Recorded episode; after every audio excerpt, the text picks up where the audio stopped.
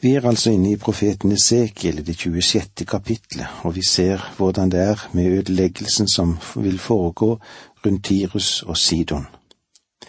Det er vanskelige områder vi beveger oss i Bibelen, men det er viktige ting. Og eh, Bibelen forteller oss det Gud har å si oss, og gjennom sine profeter. Vi leser nå i kapittel 26, vers 7 til 10.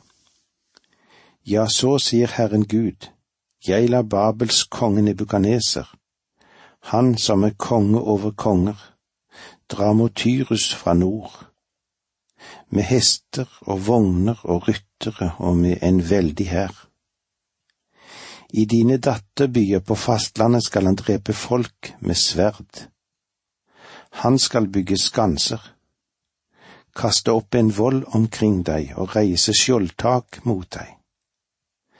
Så støter han stormbukken mot dine murer og bryter tårnene med jernredskap.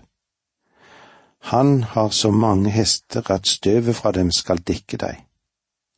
Ved larmen av rytterne og vognhjul skal dine murer skjelve når han trenger inn gjennom dine porter, slik en drar inn i en hærtatt by. Nebukaneser brøt ned murene rundt det gamle Tyrus, på samme måte som i Jerusalem. Og denne profetien ble bokstavelig talt oppfylt. I vers elleve med hovene av sine hester tramper han alle dine gater ned. Han dreper ditt folk med sverd og styrter dine sterke søyler til jorden. Det er meget interessant å legge merke til at versen syv til elleve forutsier klart at det er Nubukaneser som vil erobre byen. Og pronomet hans, det løper gjennom hele avsnittet, men nå, med begynnelsen i neste vers, så endres det til de. Gud hadde sagt at folkene, nasjonene, skulle komme hit, og her kommer den profetien. Og nå leser vi fra vers 12 til 14. Så røver de din rikdom og tar dine varer som bytte. De bryter ned dine murer og river dine herlige hus. Steiner, bjelker og grus kastes de på sjøen. Da gjør jeg slutt på dine støyende sanger, dine lyrer skal ikke høres mer. Jeg gjør deg til et nakent berg, du blir en tørkeplass for garn. Aldri skal du bygges opp igjen. Det er jeg som har talt, lyder ordet fra Herren Gud. Denne profetien ventet flere århundre på sin oppfyllelse. I 300 år lå ruinen av Tyrus der, og det gjorde et sterkt inntrykk. Selv om Nebukaneser hadde ødelagt byen, var den andre profetien enda ikke oppfylt. Hvem var det som skulle fjerne steinen og til og med sope jorden ut i havet? Vel, fra vest kommer Alexander den store, symbolisert av en geit eller geitegjeter i Daniels profeti. Du forstår at etter at folket i Tyrus kom tilbake fra fangenskapet i Babylon, bestemte de seg for å bygge opp igjen byen på en, på ei øy og glemme hele fastlandet. Siden de var et sjøfarende folk, kunne de bedre beskytte seg på en øy. Vel, så kom Alexander dit, og han så ruinen av denne byen, men den bebodde byen lå ute på en øy utenfor hans rekkevidde. Han hadde godt om tid, og han hadde en masse soldater, så han bestemte seg for å bygge en vei ut til denne øya. Hvor fikk han materiale fra den til å bygge en vei ut i havet? Han tok byggematerialene fra det gamle Tyrus. Han tok steinene, pilarene, ja, til og med jorden som byen sto på, og bygget angrepsvei over til øya, og så marsjerte hele hæren hans ut til det nye Tyrus. Han ødela byen, og etter den dag er den ikke blitt gjenoppbygget. Dette er en utrolig profeti. Som jeg nevnte tidligere, så vil kritikerne forsøke å bortforklare profetien angående Nebukadnesas ødeleggelse av byen ved å si at Esekiel skrev den etter at dette hadde hendt.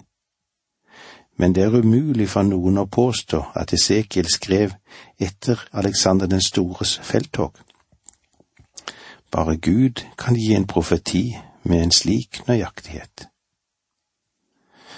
Jeg har lenge ønsket å få besøke den lange moloen som Alexander bygget fra fastlandet ut til øya, for å få se ruinene.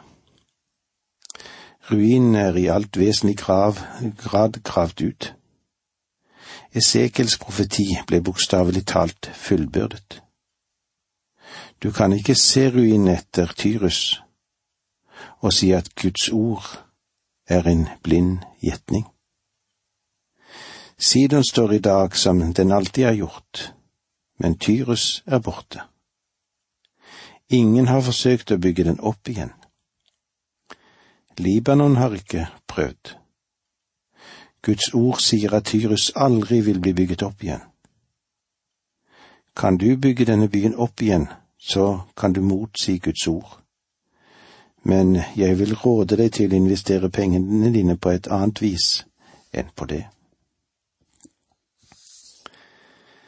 I foregående kapittel, altså nå har vi gått inn i det 27. kapittelet, men i det foregående kapittelet, kapittel 26, ga oss profetien angående ødeleggelsen av Tyrus.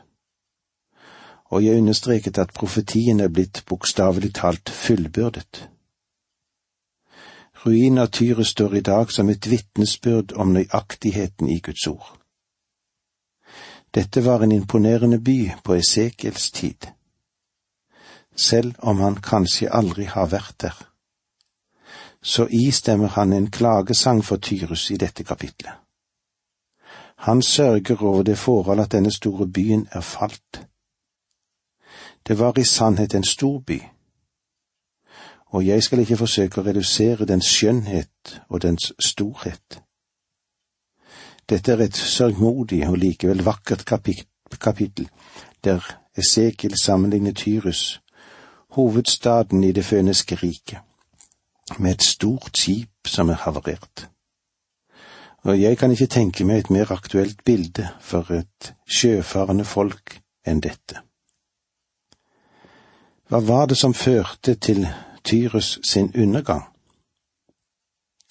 La oss lese de tre første versene i kapittel 27. Herrens ord kom til meg, og det lød så. Du menneske, stem i en klagesang over Tyrus.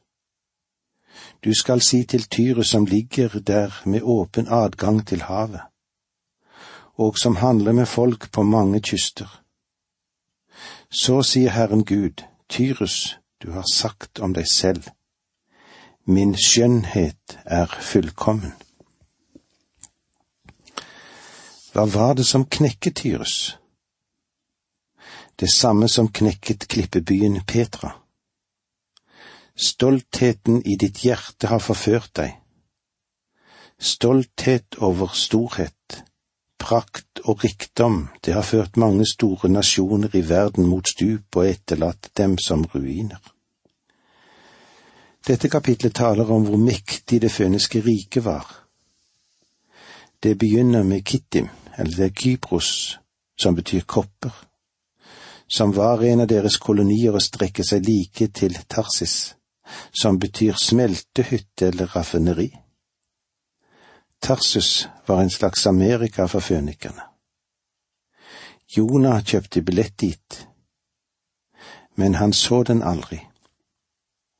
I stedet fikk han stifte bekjentskap med innsiden av en stor fisk. Tarsis skip var dine handelskaravaner. Du var fylt av varer og tungt lastet når du dro langt til havs, står det i, i det 25. verset i kapittel 27. Tyrus var et stort handelssentrum. Det kom kjøpmenn fra hele verden for å kjøpe og selge her.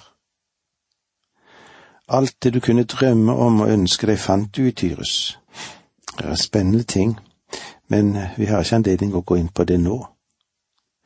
Vi må si takk for i dag, må Guds nåde og fred være med deg. Dette undervisningsprogrammet består av to deler. Åge Nevland fortsetter nå med andre del av dagens undervisning.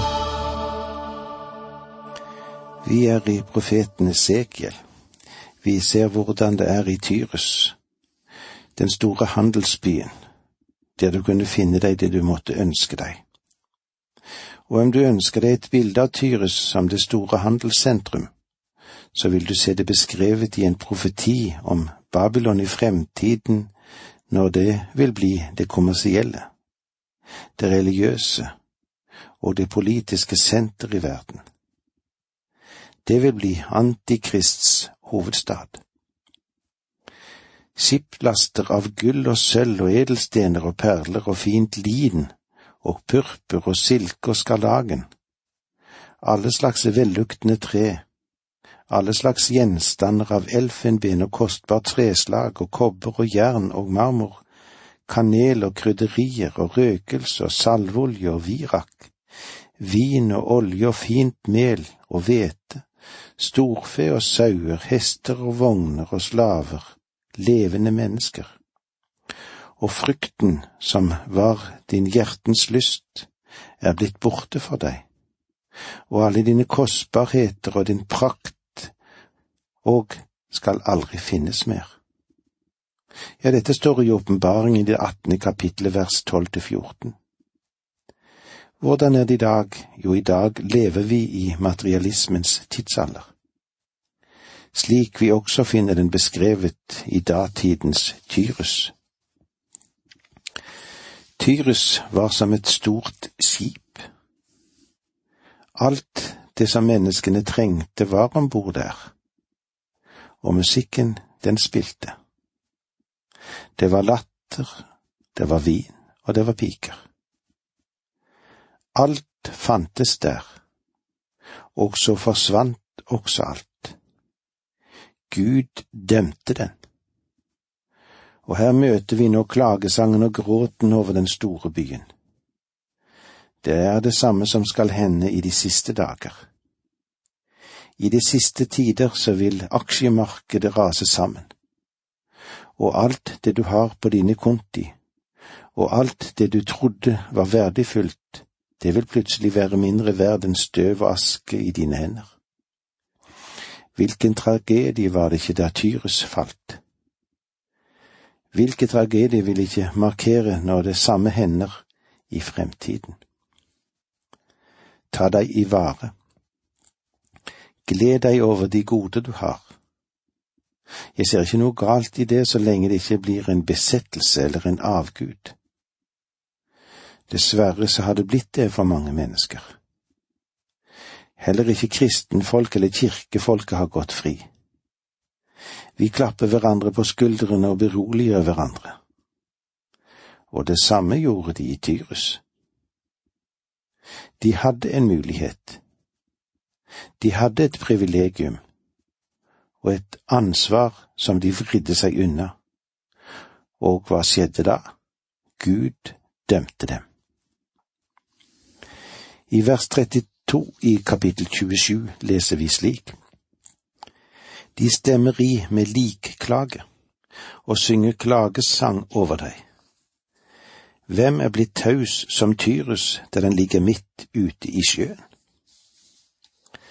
Tyrus var som et stort skip som hadde gått ned. Vers 34 Nå er du knust og sunket i havet. Dine varer og hele ditt mannskap er gått til grunne med deg.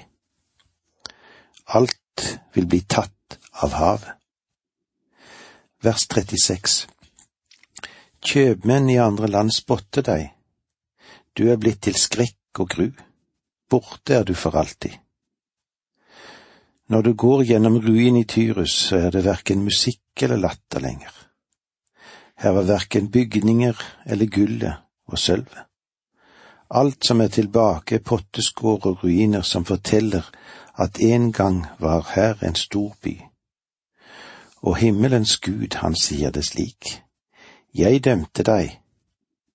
Det må ligge et budskap i dette bildet av Tyrus for vår tid og for vår generasjon. Vi går nå over i kapittel 28, og her vil vi se dom over fyrsten av Tyrus. I dette kapitlet møter vi dommen over fyrsten og kongen i Tyrus og Sidon.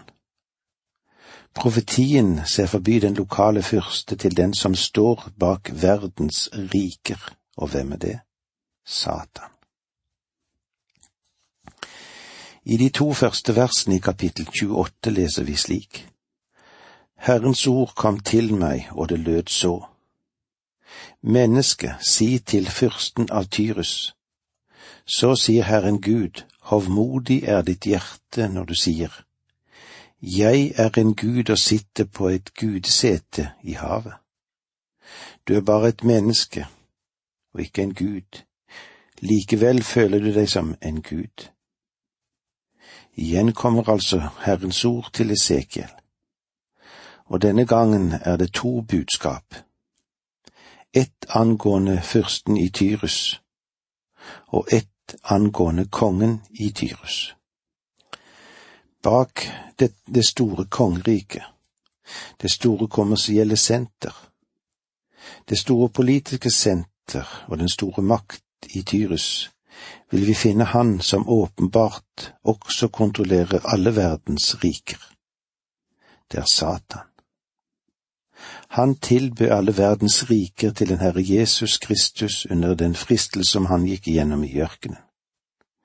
Slik som det står i Lukas 4, 5–7.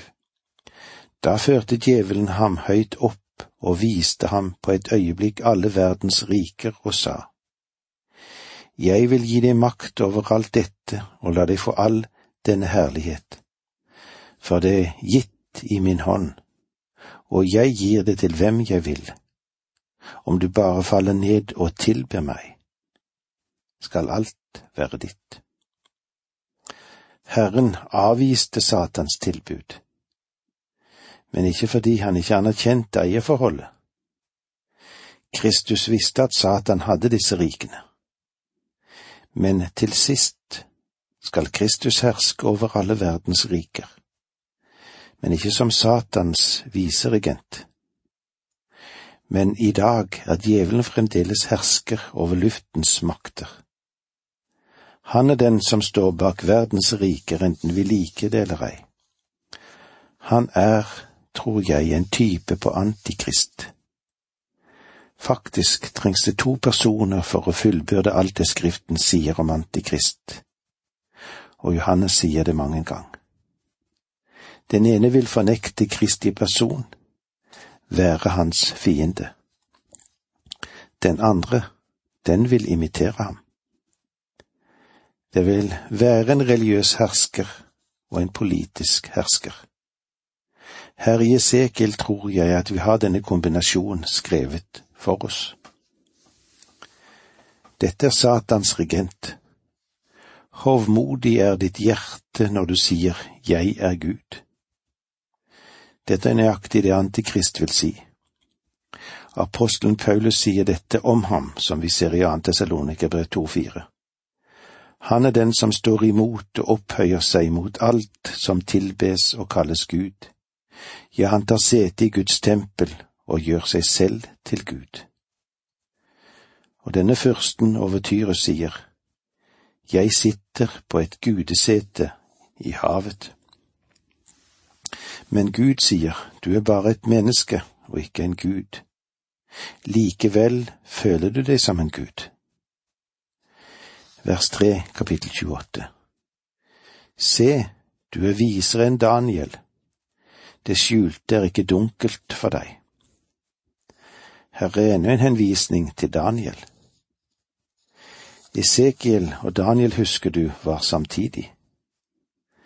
Denne unge Esekiel hadde stor respekt for Daniel som var statsminister i Babylon, og i alle deler sto for det Herren ville. Personlig tror jeg at Esekiel hadde denne vanskelige oppgaven. Han levde med og forkynte for fangene.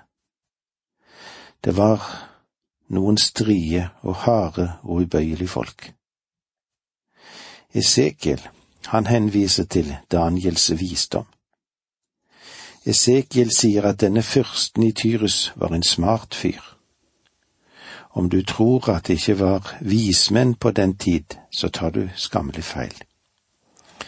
Jeg tror at de vise på den tiden ville være på høyde med den intellektuelle elite i vårt århundre.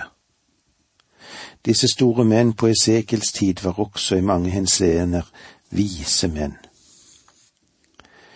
Nå tror jeg at denne fyrsten i Tyrus representerte det religiøse herskeraspektet i Antikrist, og jeg tror at han kommer fra Israel.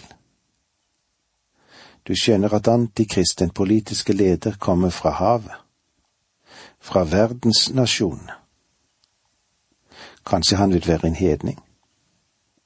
Hans rådgiver, den religiøse hersker, vil komme fra landet. Den religiøse hersker vil være som en statsminister for den politiske hersker, slik som Daniel var det i Babylon, eller som Josef i Egypt. Kanskje vi ikke burde antyde noen slike sammenligninger. Men det kan jo være viktig å ta det frem som illustrasjoner av de to posisjonene. Og med dette sier vi takk for nå, må Gud være med deg.